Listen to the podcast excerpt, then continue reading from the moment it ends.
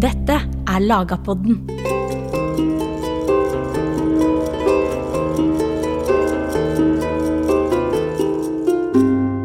Hva kan norske mellomalderlover fortelle oss? Litt enkelt sagt finnes det to sentrale kjelder til norsk mellomalderhistorie fram til 1300-tallet. Og det er på ene sida sagalitteraturen og de mer reindyrka historieframstillingene, og så er det lovene på den andre. Fra rundt 1300 blir kjeldematerialet langt rikere, ikke minst fordi vi får en mengde med mellomalderbrev som er ei langt mer hverdagsnær kjelde. Men hva forteller lovene oss om Norge i mellomalderen? Speiler lovene samfunnet slik det var, eller slik en ønsket det skulle være? Var norske samfunnsforhold så spesielle at lovene var annerledes enn det vi finner andre plasser i Europa? Og hva kan faktisk rettspraksis fortelle oss om hvordan lovene fungerte? Med oss i en samtale om dette har vi Aslak Sira Myhre, som er nasjonalbibliotekar. Du lytter til Lagerpodden, en podkast av Nasjonalbiblioteket, og mitt navn er Jørn Øyrehagen Sunde.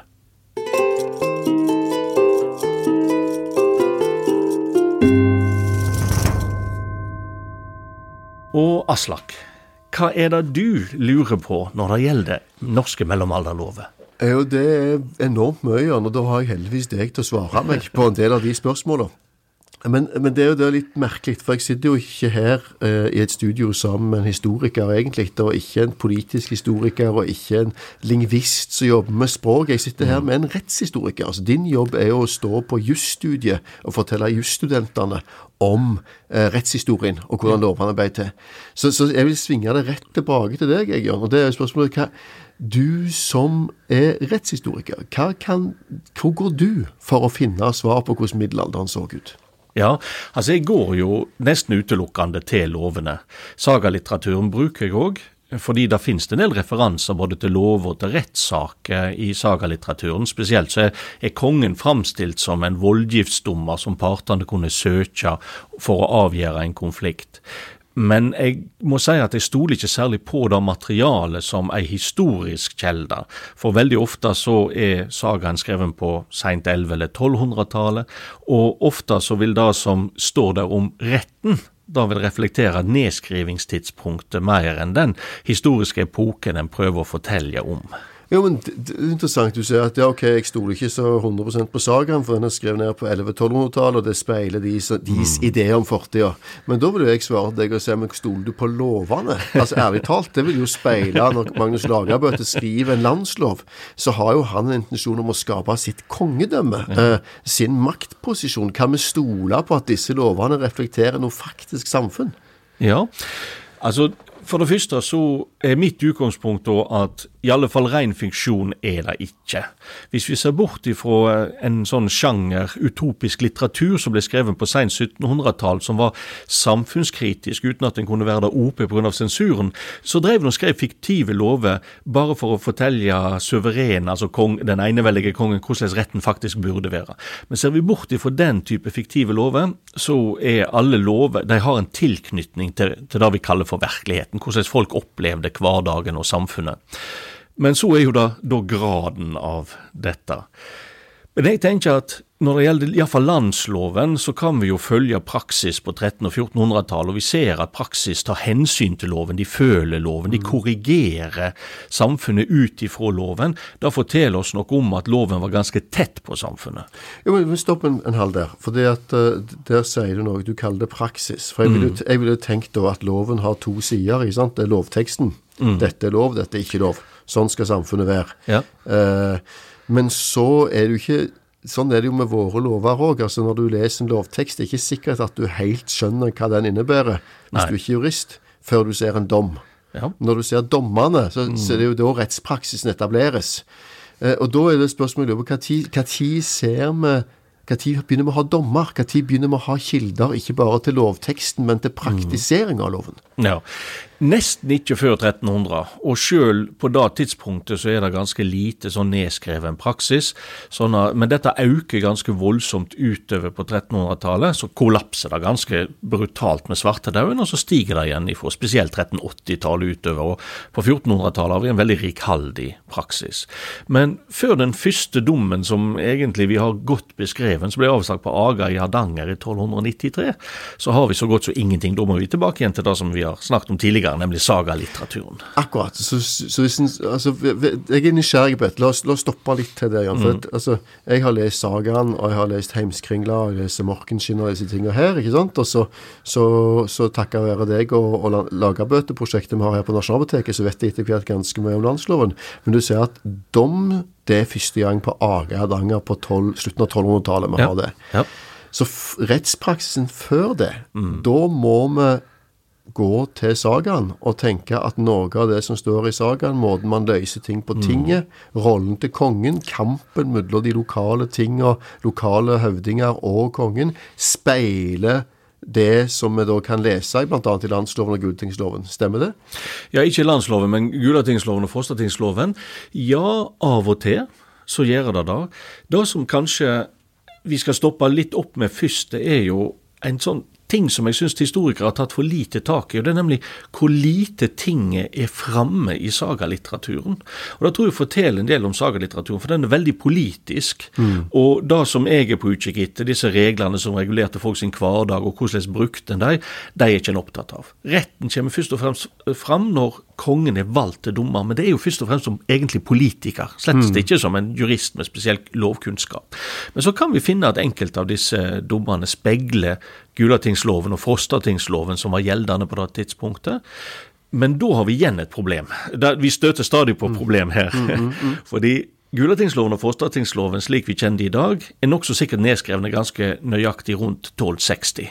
Mm. Men innholdet da strekker seg fra 1260 og bakover. Mm. Og da å finne ut hvor gammel en regel er, da kan du ikke si generelt. Du må rett og slett gå inn, og så må du si ok, denne måten å eh, formulere seg på, disse temaene, og de tar en ikke opp før et gitt tidspunkt. Og da må en tenke seg at ja, da må den regelen være fra det tidspunktet eller seinere. Mm. Sånn at uh, vi kan f.eks. Med, med sikkerhet si at i hele Europa så opererer en ikke med tall av en sånn abstrakt størrelse som 20, 30, 40, 50, 60 før etter 1200. For det er da skrift begynner å bli brukt i en rettslig sammenheng. Mm. Og dermed så kan vi si at alle regler som inneholder den type eh, tall, de er enten skrevne eller redigert etter 1200. Og da gjelder mm. Norge, Frankrike, England. Det er helt sånn felles for mm. Europa. Mm. Så den typen, vi kan kalle det rettslig arkeologi, må mm. vi drive med i tekstene i disse gamle lovene for å datere reglene.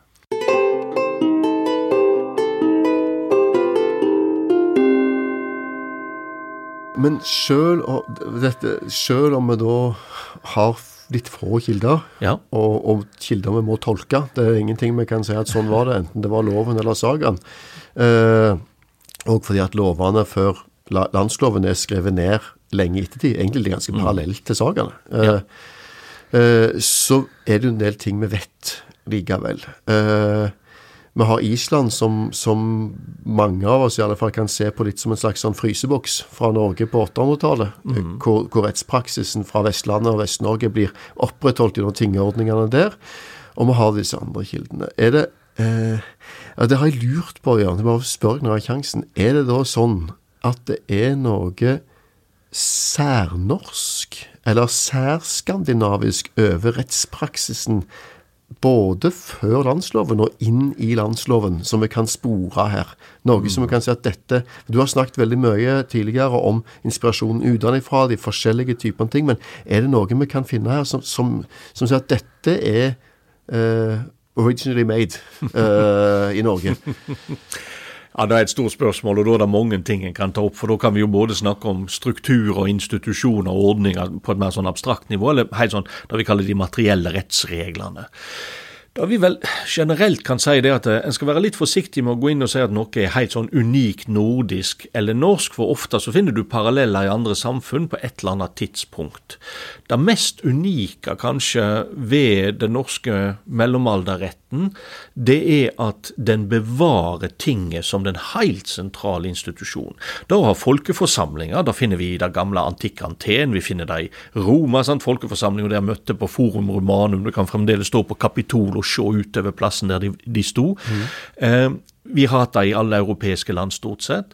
Men det som skjer, det er at på et visst tidspunkt i statsdannelsen så forsvinner folkeforsamlingene sin betydning. De blir for ineffektive, de blir rett og slett irrelevante i statsstyret. Mm. Det som er spesielt med den norske rettshistorien, og for så vidt den, den skandinaviske generelt, men da, det er spesielt dette for Island, Norge og, og, Sverige, det er jo at ting aldri mister sin posisjon. Det blir sterkt svekka, og det er spesielt med landsloven at det mister sin lovgivende funksjon, men det har allikevel en veldig sånn sentral plass, plass i statsstyrelsen.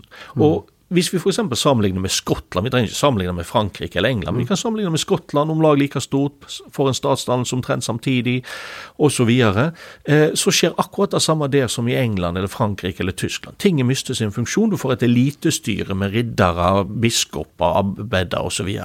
Men det skjer altså ikke i norsk sammenheng, og da er det som jeg blir mest fascinert av. Det er kjempeinteressant. Altså, fordi at Du sier altså at uh, Skottland For jeg ville jo tenkt at forholdet her var sånn at ja, England, et stort land på det tidspunktet. Her er jo England og mm. Skottland to ulike land. Uh, England er et svært land. Det har en mye større befolkning enn Norge. Mye større jordsmonn, mye større mm. avkastning. Det er en gammel romersk koloni. Mm. Eh, Føydalismen sånn som vi kjenner den i Europa, har en helt annen grobunn der. Du kan ha en annen maktstruktur, mens Norge er så desentralt og så fattigslikt eh, i forhold til jordsmonn, snakker jeg om nå, at du ikke kan etablere samme type statsstyre. Uh, og avstandene er for store, ble det tenkt. Men så kommer du til Skottland, som ligner så mye på Norge at da faller jo min teori sammen, da. Altså fordi at uh, Skottland er jo òg ganske fattigslikt. Jordsmonn er ikke spesielt godt. Det regner og blåser hele veien. Avstandene er store, og språket er ganske likt. Så da er spørsmålet tilbake igjen. Hva er det som skiller Norge og Skottland, som gjør at tinget får en mye mer langvarig og sentrale posisjon i Norge, tror du? Jeg skal prøve meg på å spekulere litt, for dette vet vi jo ikke svaret på. Men jeg skal prøve å gi mine svar. Mm. Og igjen så, så, baserer det jo veldig mye på det som jeg leser ut av selve lovmaterialet. Det ene er at uh, i Skottland så slutter på en måte aldri ettersamfunnet helt å ha tak på statsmakt. Og dette klansamfunnet som vi kjenner, sant, disse mm. kiltene med mm. spesielle mønster og alt dette der, mm. det er jo egentlig bare et ettersamfunn som, mm. som bevares inn i statssamfunnet og faktisk får en rolle i det. Mm. Eh, det som er litt sånn artig med Norge, det er jo at ettersamfunnet blir så sterkt svekka. Når vi leser den eldre Gulatingsloven, så er det helt opplagt at den speiler et ettersamfunn. Mm. Og når vi leser landsloven, så er det helt opplagt at ettersamfunnet er borte. Mm. Så overdriver landsloven en del. Mm. Men allikevel er den transformasjonen ganske radikal, og da tror jeg skyldes, og da begynner vi å neme oss svaret på det spørsmålet, eh, bydannelsen i Norge. Byene var jo aldri store i mm. Norge, og de var heller aldri fryktelig mange, mm. men de var fryktelig viktige. Mm. Fordi For å forstå norsk historie så tenker jeg at en må ha i minne at i Norge har vi alltid hatt for stor produksjon av visse produkt, typisk mm. fisk eller mm. osv., og så er akutt underskudd på andre produkt, typisk korn, som var så mm. viktig i tidligere tider. Og For å utligne det overskuddet, så handler du. Mm. Og på en måte når vikingtida er over og du begynner å bygge norske byer, så bryter de både ned ettersamfunnet, og de styrker den gryende statsmakta. Samtidig, den statsmakta så i Skottland bruker veldig mye tid på å få kontroll gjennom disse etterstrukturene, blant annet så tror jeg den norske statsmakten bare innser at det er helt umulig å ha kontroll i et land der de viktigste naturressursene enten finnes på høgfjellet eller på sjøen. For mm. du, du, kan ikke kontrollere folk der, hvordan de høster naturressursene. Du kan lage en masse regler, men hvis folk ikke, oppdagelsesrisikoen er så lav, så mm. hvordan får du folk til å følge reglene? Og da blir orden jo at du, du, bruker det gamle tinget som en sånn fellesskapsorgan, skaper regler i lag med det, og overholder altså det, det blir tinget som blir domstolen som overholder reglene. Og på den måten så skaper du en slags styringsdialog mm. i stedet for et kommandosystem.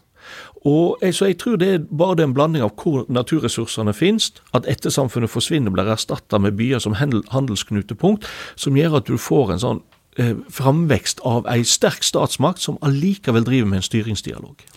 Men, men vil det på en måte da si at uh, uh, mens en konge i England som, og dette syns jeg òg er interessant, altså vi er på et tidspunkt hvor England er et land det er naturlig å sammenligne oss med. Mm, Eh, eh, Norge og England er om ikke jevnstore, så er vi i samme divisjon av europeiske eller nordeuropeiske stormakter eller mellomstore makter.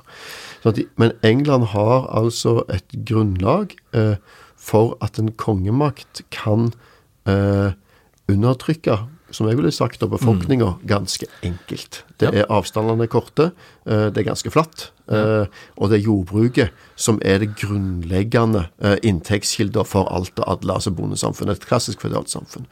Og det, hvis jeg skjønner deg riktig, det du sier at en norsk konge vil ikke bare slite med det som gamle marxister ville kalt kapitalakkumulasjon, altså at du ikke får nok overskudd til å holde et stor hær, en stor, stor statsmakt, men, men at det er ikke mulig å kontrollere dette landet på denne måten gjennom direkte ovenifra. Eh, derfor må du bruke tinga og et form for kompromiss eller samhandling av følelsen derfra. Og da er mitt spørsmål da i enden av dette, kan det være en av forklaringene på at Magnus Lagabøte sin landslov faktisk er en aktiv lov, Ja. i motsetning til de aller fleste lovforsøk på samme tidspunkt? Ja. Ja, det, det er et veldig godt spørsmål. Og, og her får vi jo du får fram akkurat det som er så spesielt med landsloven. For hvis vi ser på de andre lovverkene som blir lagd i mellomalderen, så er det en klassisk kommandostruktur. sant? Jeg er kongen, jeg lag, lager loven, du skal følge den. Hvis loven er helt riv ruskende gal, ok, så skal vi fikse det, men kom til meg. Jeg som konge som har gitt loven, jeg kan òg fikse opp eh, i noe som ikke fungerer. Mens landsloven jo bare slår fast at det er bare tåpen som bruker loven når den er gir et for mildt eller for et strengt resultat. Og For da skal rett og slett lagmannen, som en kongelig tjenestemann, han representerer kongen, og bøndene som sitter i lagretten, altså hans meddomsmenn, de får sette seg sammen og bli enige om hvordan loven skal fungere. Det er den styringsdialogen som på en måte preger samfunnet. Igjen så er det jo litt på grunn av selvsagt avstander. Hvis du sitter på Steigen og ikke får loven til å fungere, og, det er august, hva skal du gjøre da? Den du sender ned til kongen i Bergen, han kommer ikke tilbake igjen før neste vår. Konflikten kan ha eskalert. Her er det bare om å gjøre å være praktisk, finne en løsning der og da.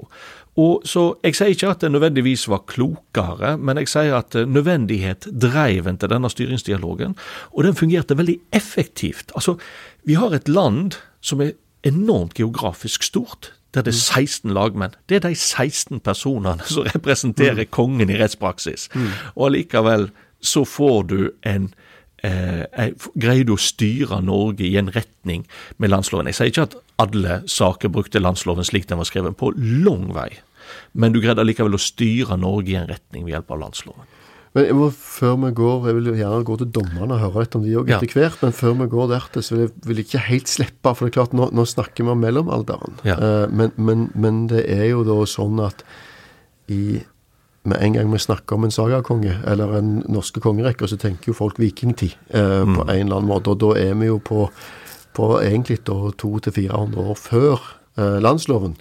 Og det er de røtte, men, det er de, men, men med spor inn i loven, som vi snakker om nå. Så det som jeg lurte på, på, på om du kunne si noe om, er og Du beskriver jo et Norge hvor landsloven, sjøl om det er en lov for hele landet, gitt av en konge med et hoff med et sete i Bergen og Tønsberg, som, som er den, s- den største styringsambisjonen Norge har hatt noensinne på mange måter, så beskriver du det som et kompromiss. Som et kompromiss med en kontinuerlig forhandling som Ja. foregår hos lagmennene, som foregår i tolkingen av loven og bruken av loven, og mellom de nye lovimpulsene og den gamle ting, tingordningene. Ja. Og hvis vi da går til fryseboksen, altså Island, så har Island på dette, dette tidspunktet ikke noen konge. Eh, De har eh, aktivt valgt å ikke ha konge. De har beholdt tinga kanskje sånn som det var på Gulating tilbake på 800-tallet og begynnelsen av 900-tallet, når Island ble befolka. Men de er jo òg i fullstendig oppløsning. Ja. Eh, borgerkrigerne har revet landet sunt. Så da er spørsmålet mitt da, liksom, dette kompromisset, er det også sånn at For det er lett, i hvert fall for meg som, som er gammel marxist, å tenke at eh, kompromisset her er en slags klassekamp hvor kongen er skurken og, og, Ja. og, og bøndene er heltene.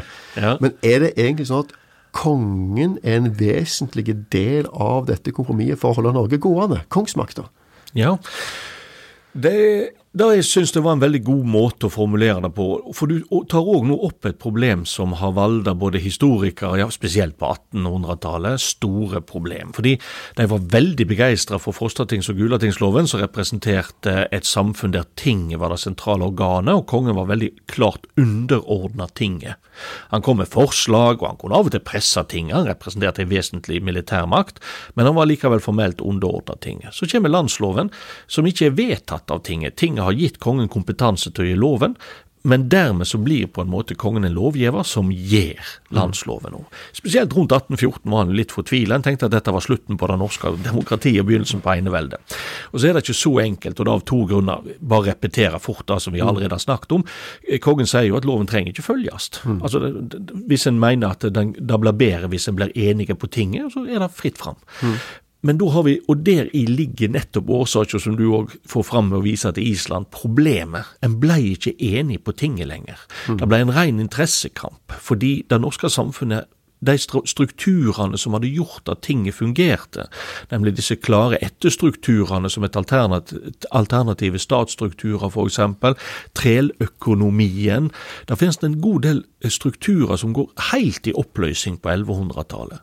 Det betyr at alt er i spill. Det blir store interesse- og maktkamper, og det blir på en måte den sterkeste sin rett. Og Det som kongen representerer, da er på en måte en utenforstående som kan si at dette angår ikke meg sånn helt personlig, altså om, om for, eh, treler for visse rettigheter, eller om eh, land, eh, de som eier jordeiendommer for visse rettigheter, angår ikke nødvendigvis meg, så jeg skal komme med kompromissforslag.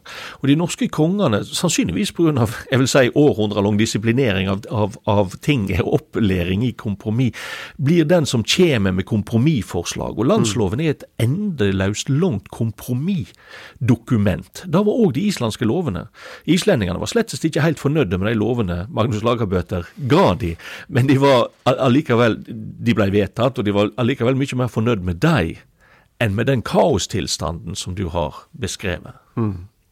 Da, da, da kommer vi til, som du sier, til det endeløse kompromisset.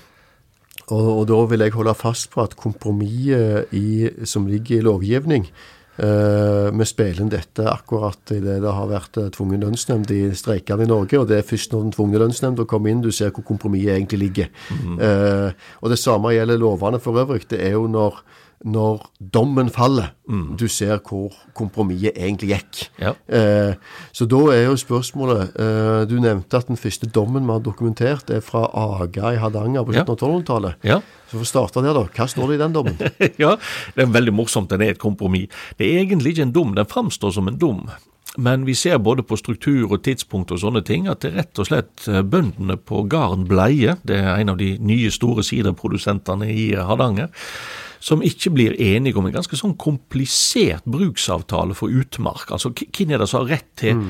bregne, og hvem har rett til bregne røtene? Sant? Bregne mm. blad og bregne røtter. Altså det, det er disse hårfine eiendomsskillene i et samfunn med marginale ressurser. Mm. Og, og, da er det lagmannen i lag med en adelsmann, Torolf på Jåstad, eh, og så er det presten i området, og så er det en fetter av han som sitter på Sponheim og er en aristokrat der. Det er disse fire som, som mekler fram et kompromiss som blir inngått i mai eh, 1293, og så sto seg til 1950-tallet. så eh, eh, Det er ikke dermed sagt at alle var kjempefornøyd, men sånn er jo et kompromiss. sant? Ja. Det var en god regel de fikk til oss, som de kunne leve etter. Så det vil si at det er jo ikke så lenge etter at loven har trådt i kraft, for det er 1274. Og, ja. og så er vi altså 20 år seinere, og så har vi en dokumentert dom. Og ja. som du sier, en forhandling. Og, og da, er det, da er det beitemarker, og mm. hvem eier hva i fellesmarka, og hvordan skal det brukes. Ja. Eh, akkumulerer vi mer dommer etter hvert? Er det, er det, nok materiale til at du har kunnet studere det, f.eks.? Ja, jeg har eh, samla alle sånne mellomalderdiplom, som jo egentlig brev, skinnbrev, skrevne da etter en dom i mellomalderen. Så jeg har studert alle de fra 1300-tallet, 1200- og 1300-tallet, men 1200-tallet er jo så få. Uh, og da kommer vi opp i et antall på ca. 550 slike dokument, så det er ikke ei stor mengde. Men når du går gjennom de, så, så, så, får du ganske mye informasjon. Så må vi bare huske at det er to typer dokument som er bevart. Uh, det er jo de som gjaldt store saker. Det kunne være store verdier, men det kunne også være drapssaker osv. For de skulle en skrive ned. Det var en plikt som en fikk i 1273, og det gjorde en i Norge slik en gjorde i England og Skottland, der du hadde tilsvarende plikt. Men så har vi alle eiendomssakene. Det gjelder jo ofte òg store verdier, men ble skrevet ned rett og slett fordi en skulle ha det i ettertid for å vite eh, hva eiendomsforhold var. Mm. Så, det er de, så, det er ikke slik at domsmaterialet nødvendigvis viser all den praksis som var. Mye mm. praksis var jo aldri nedskreven, eller han ble glemt ganske fort. Skinndokumentet ble brukt til nye ting. De skar de opp og brukte de som såla i sko og sånne ting. Når innholdet ikke var viktig lenger. Så, men, men det materialet vi har er kjempespennende, fordi det nettopp forteller oss noe vi har vært inne på tidligere.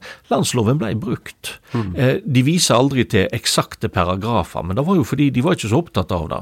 De, opp, de les paragrafen, de visste hva som sto i loven, og så begynner de også å diskutere hvordan skal vi få dette tilpassa denne saka.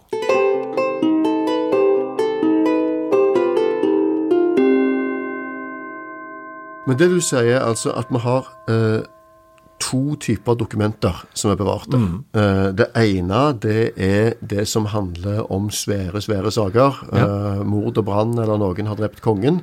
Uh, og det andre er eiendomsprotokoller. Altså mm. alt som handler om forvaltning av natur. Stemmer det? Ja. ja.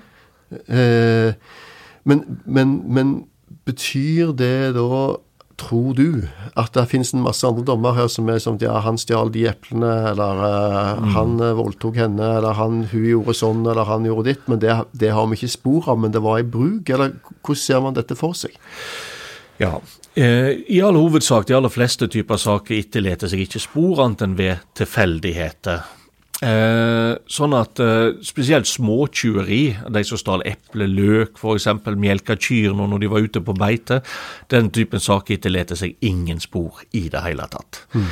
Eh, men så har vi en sånn kategori til, en bitte liten kategori, da vi kan kalle de mer sånn spesielle sakene så lagmennene var opptatt av at dette var interessant, det var juridisk nødt. Mm. Så vi har noen sånne plutselig som dukker opp der nesten ingenting står på spill. Mm. Det burde aldri vært bevart, men lagmannen sjøl syns det var interessant. Og Min, favorittsak der den er fra 1329, fra Hardanger igjen. Denne gangen så er det ikke Aga som er inne i Sørfjorden, men nå er vi inne i Eifjord. Mm. Og Da er det en uh, tjenestegutt, vi vet bare han heter Olav Karl. Karl indikerer han er en tjenestegutt. Mm. Og han har ledd matmor si på en hest over ei elv, og så drukner hun. Vi vet ikke hva som skjer. Vi vet bare to ting. Det ene er at alle er enige om at han hadde ikke noe skyld i det som skjedde. Han kunne ikke ha gjort noe annerledes. Samtidig så er loven helt klar.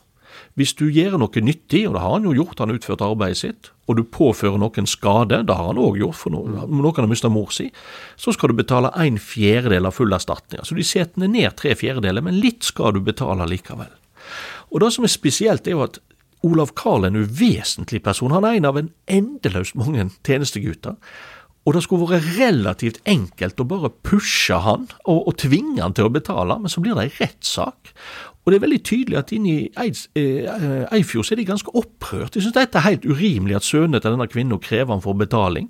Så de stiller opp, de tar vitnemål, så reiser de inn til lagmannen fra Hardanger. Bård Petersen, han er egentlig fra, uh, unnskyld, lagmann i, i, Bergen.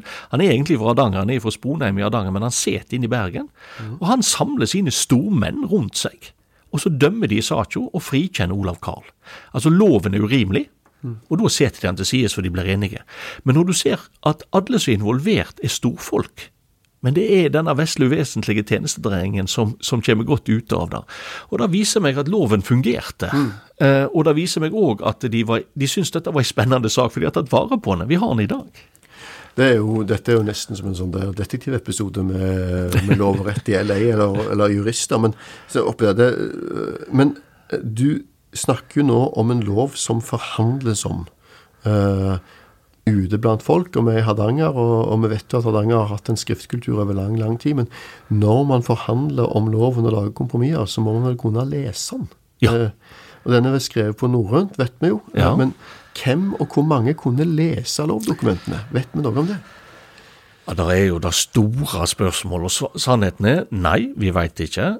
To, det vi veit, er at landsloven faktisk legger opp til at veldig mange kan lese og skrive. Den føresetter at viktige dokument skal skrives, bleiediplomet som jeg har snakket om fra AGA i 1293, mm. denne avtalen mellom brukerne der, den ble skreven, den ble oppbevart i skrift. og da vis, ser sånn ut for meg at slett ikke alle kunne skrive, men når du kom opp til et visst lag i samfunnet, så var det liksom forventa at var du et skikkelig menneske, ja, så holdt du orden på buskapen din og åkrene dine, og du kunne lese og skrive. Mm. Så det ser ut for meg som et uh, Den har vært tilgjengelig for mange, slett ikke alle.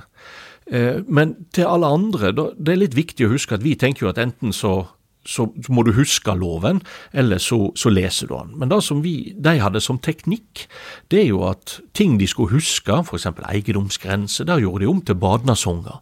Sånn at når, når ungene lå i vogga, så kunne de synge alle eiendomsgrensene til dem, så de huska de resten av livet. Lovregler lagde de om til ordtak. Sant? Den som sover, synder ikke. Det er en gammel regel, da. Den, er du ikke bevisst, så kan du ikke straffes for det du gjør. Eh, sånn at, eh, og, og Dessverre så samla en inn disse ordtakene først i 1758, og etter det så gikk de glemt, men det var over 450 slike lovordtak som fremdeles var i bruk da.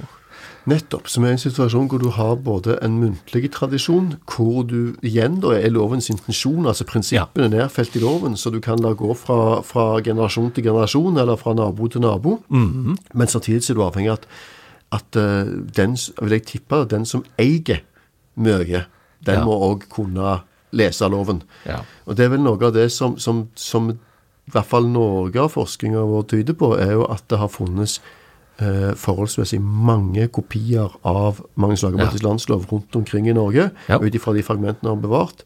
Og da har jeg sett for meg at her er det ikke bare lagmannen som skal ha loven, men enhver bonde med en stor eiendom vil òg ha loven. I tilfelle han kommer i en sak, mm. så skal han være forberedt og vite hva som kommer i den saken.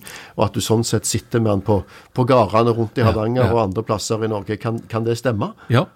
Det tror jeg, og vi har en fantastisk flott sak fra Numedal. Det er lensmannen fra Rollag som reiser til lagmannen i Skien, og så eh, med ei sak og så sender lagmannen tilbake igjen med brev der det står at han har lest loven feil. Så eh, det var tydelig at de i Rollag hadde forholdt seg til loven, vi hadde bare misforstått det. Men du, eh, jeg har ett spørsmål til som jeg må få svar på før, før jeg må, skal, skal, gi det over til deg. For at du sier egentlig litt tidligere i samtalen vår at eh, Norge sin særegenhet i historien, øh, den kommer eh, av, tror du, eh, kanskje særlig det at vi har så svære, utilgjengelige områder på fjellet og på mm. sjøen som rikdommen vår kommer fra. Ja. Eh, og de er så ukontrollerbare i forhold til gårdene at den føydale styringsstrukturen som, som andre la, i, i, store jordbrukssamfunn ville fungere, fungerer ikke her. For du kan ja. ikke kontrollere det. Men da er jo spørsmålet mitt ganske fort, for at landsloven må jo ses i det perspektivet. Er det mange dommer eh, i landsloven som regulerer sjø og fjell? Det finnes noen, men da ikke altså, Ja, det finnes faktisk noen som regulerer sjøområdet, men da er det jo fiske i fjorder, på nes, altså veldig sånn nært land. Vi snakker ikke om fiskebankene eller gruddene lenger ute, eller fiskereddene lenger ute i sjøen. Og eh, for, for, for fjellet så finnes det, finnes det dommer som, som, regulerer det.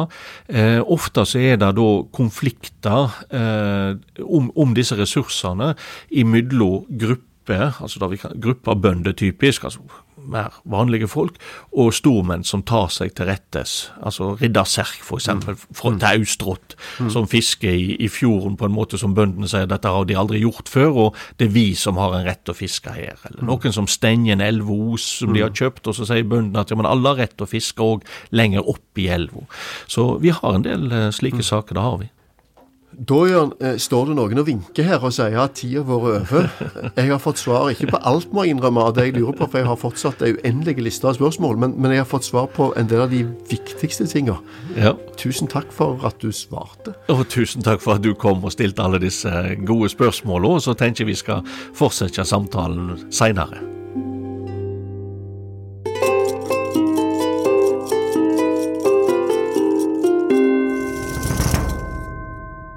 Du har hørt en episode av Lagapodden.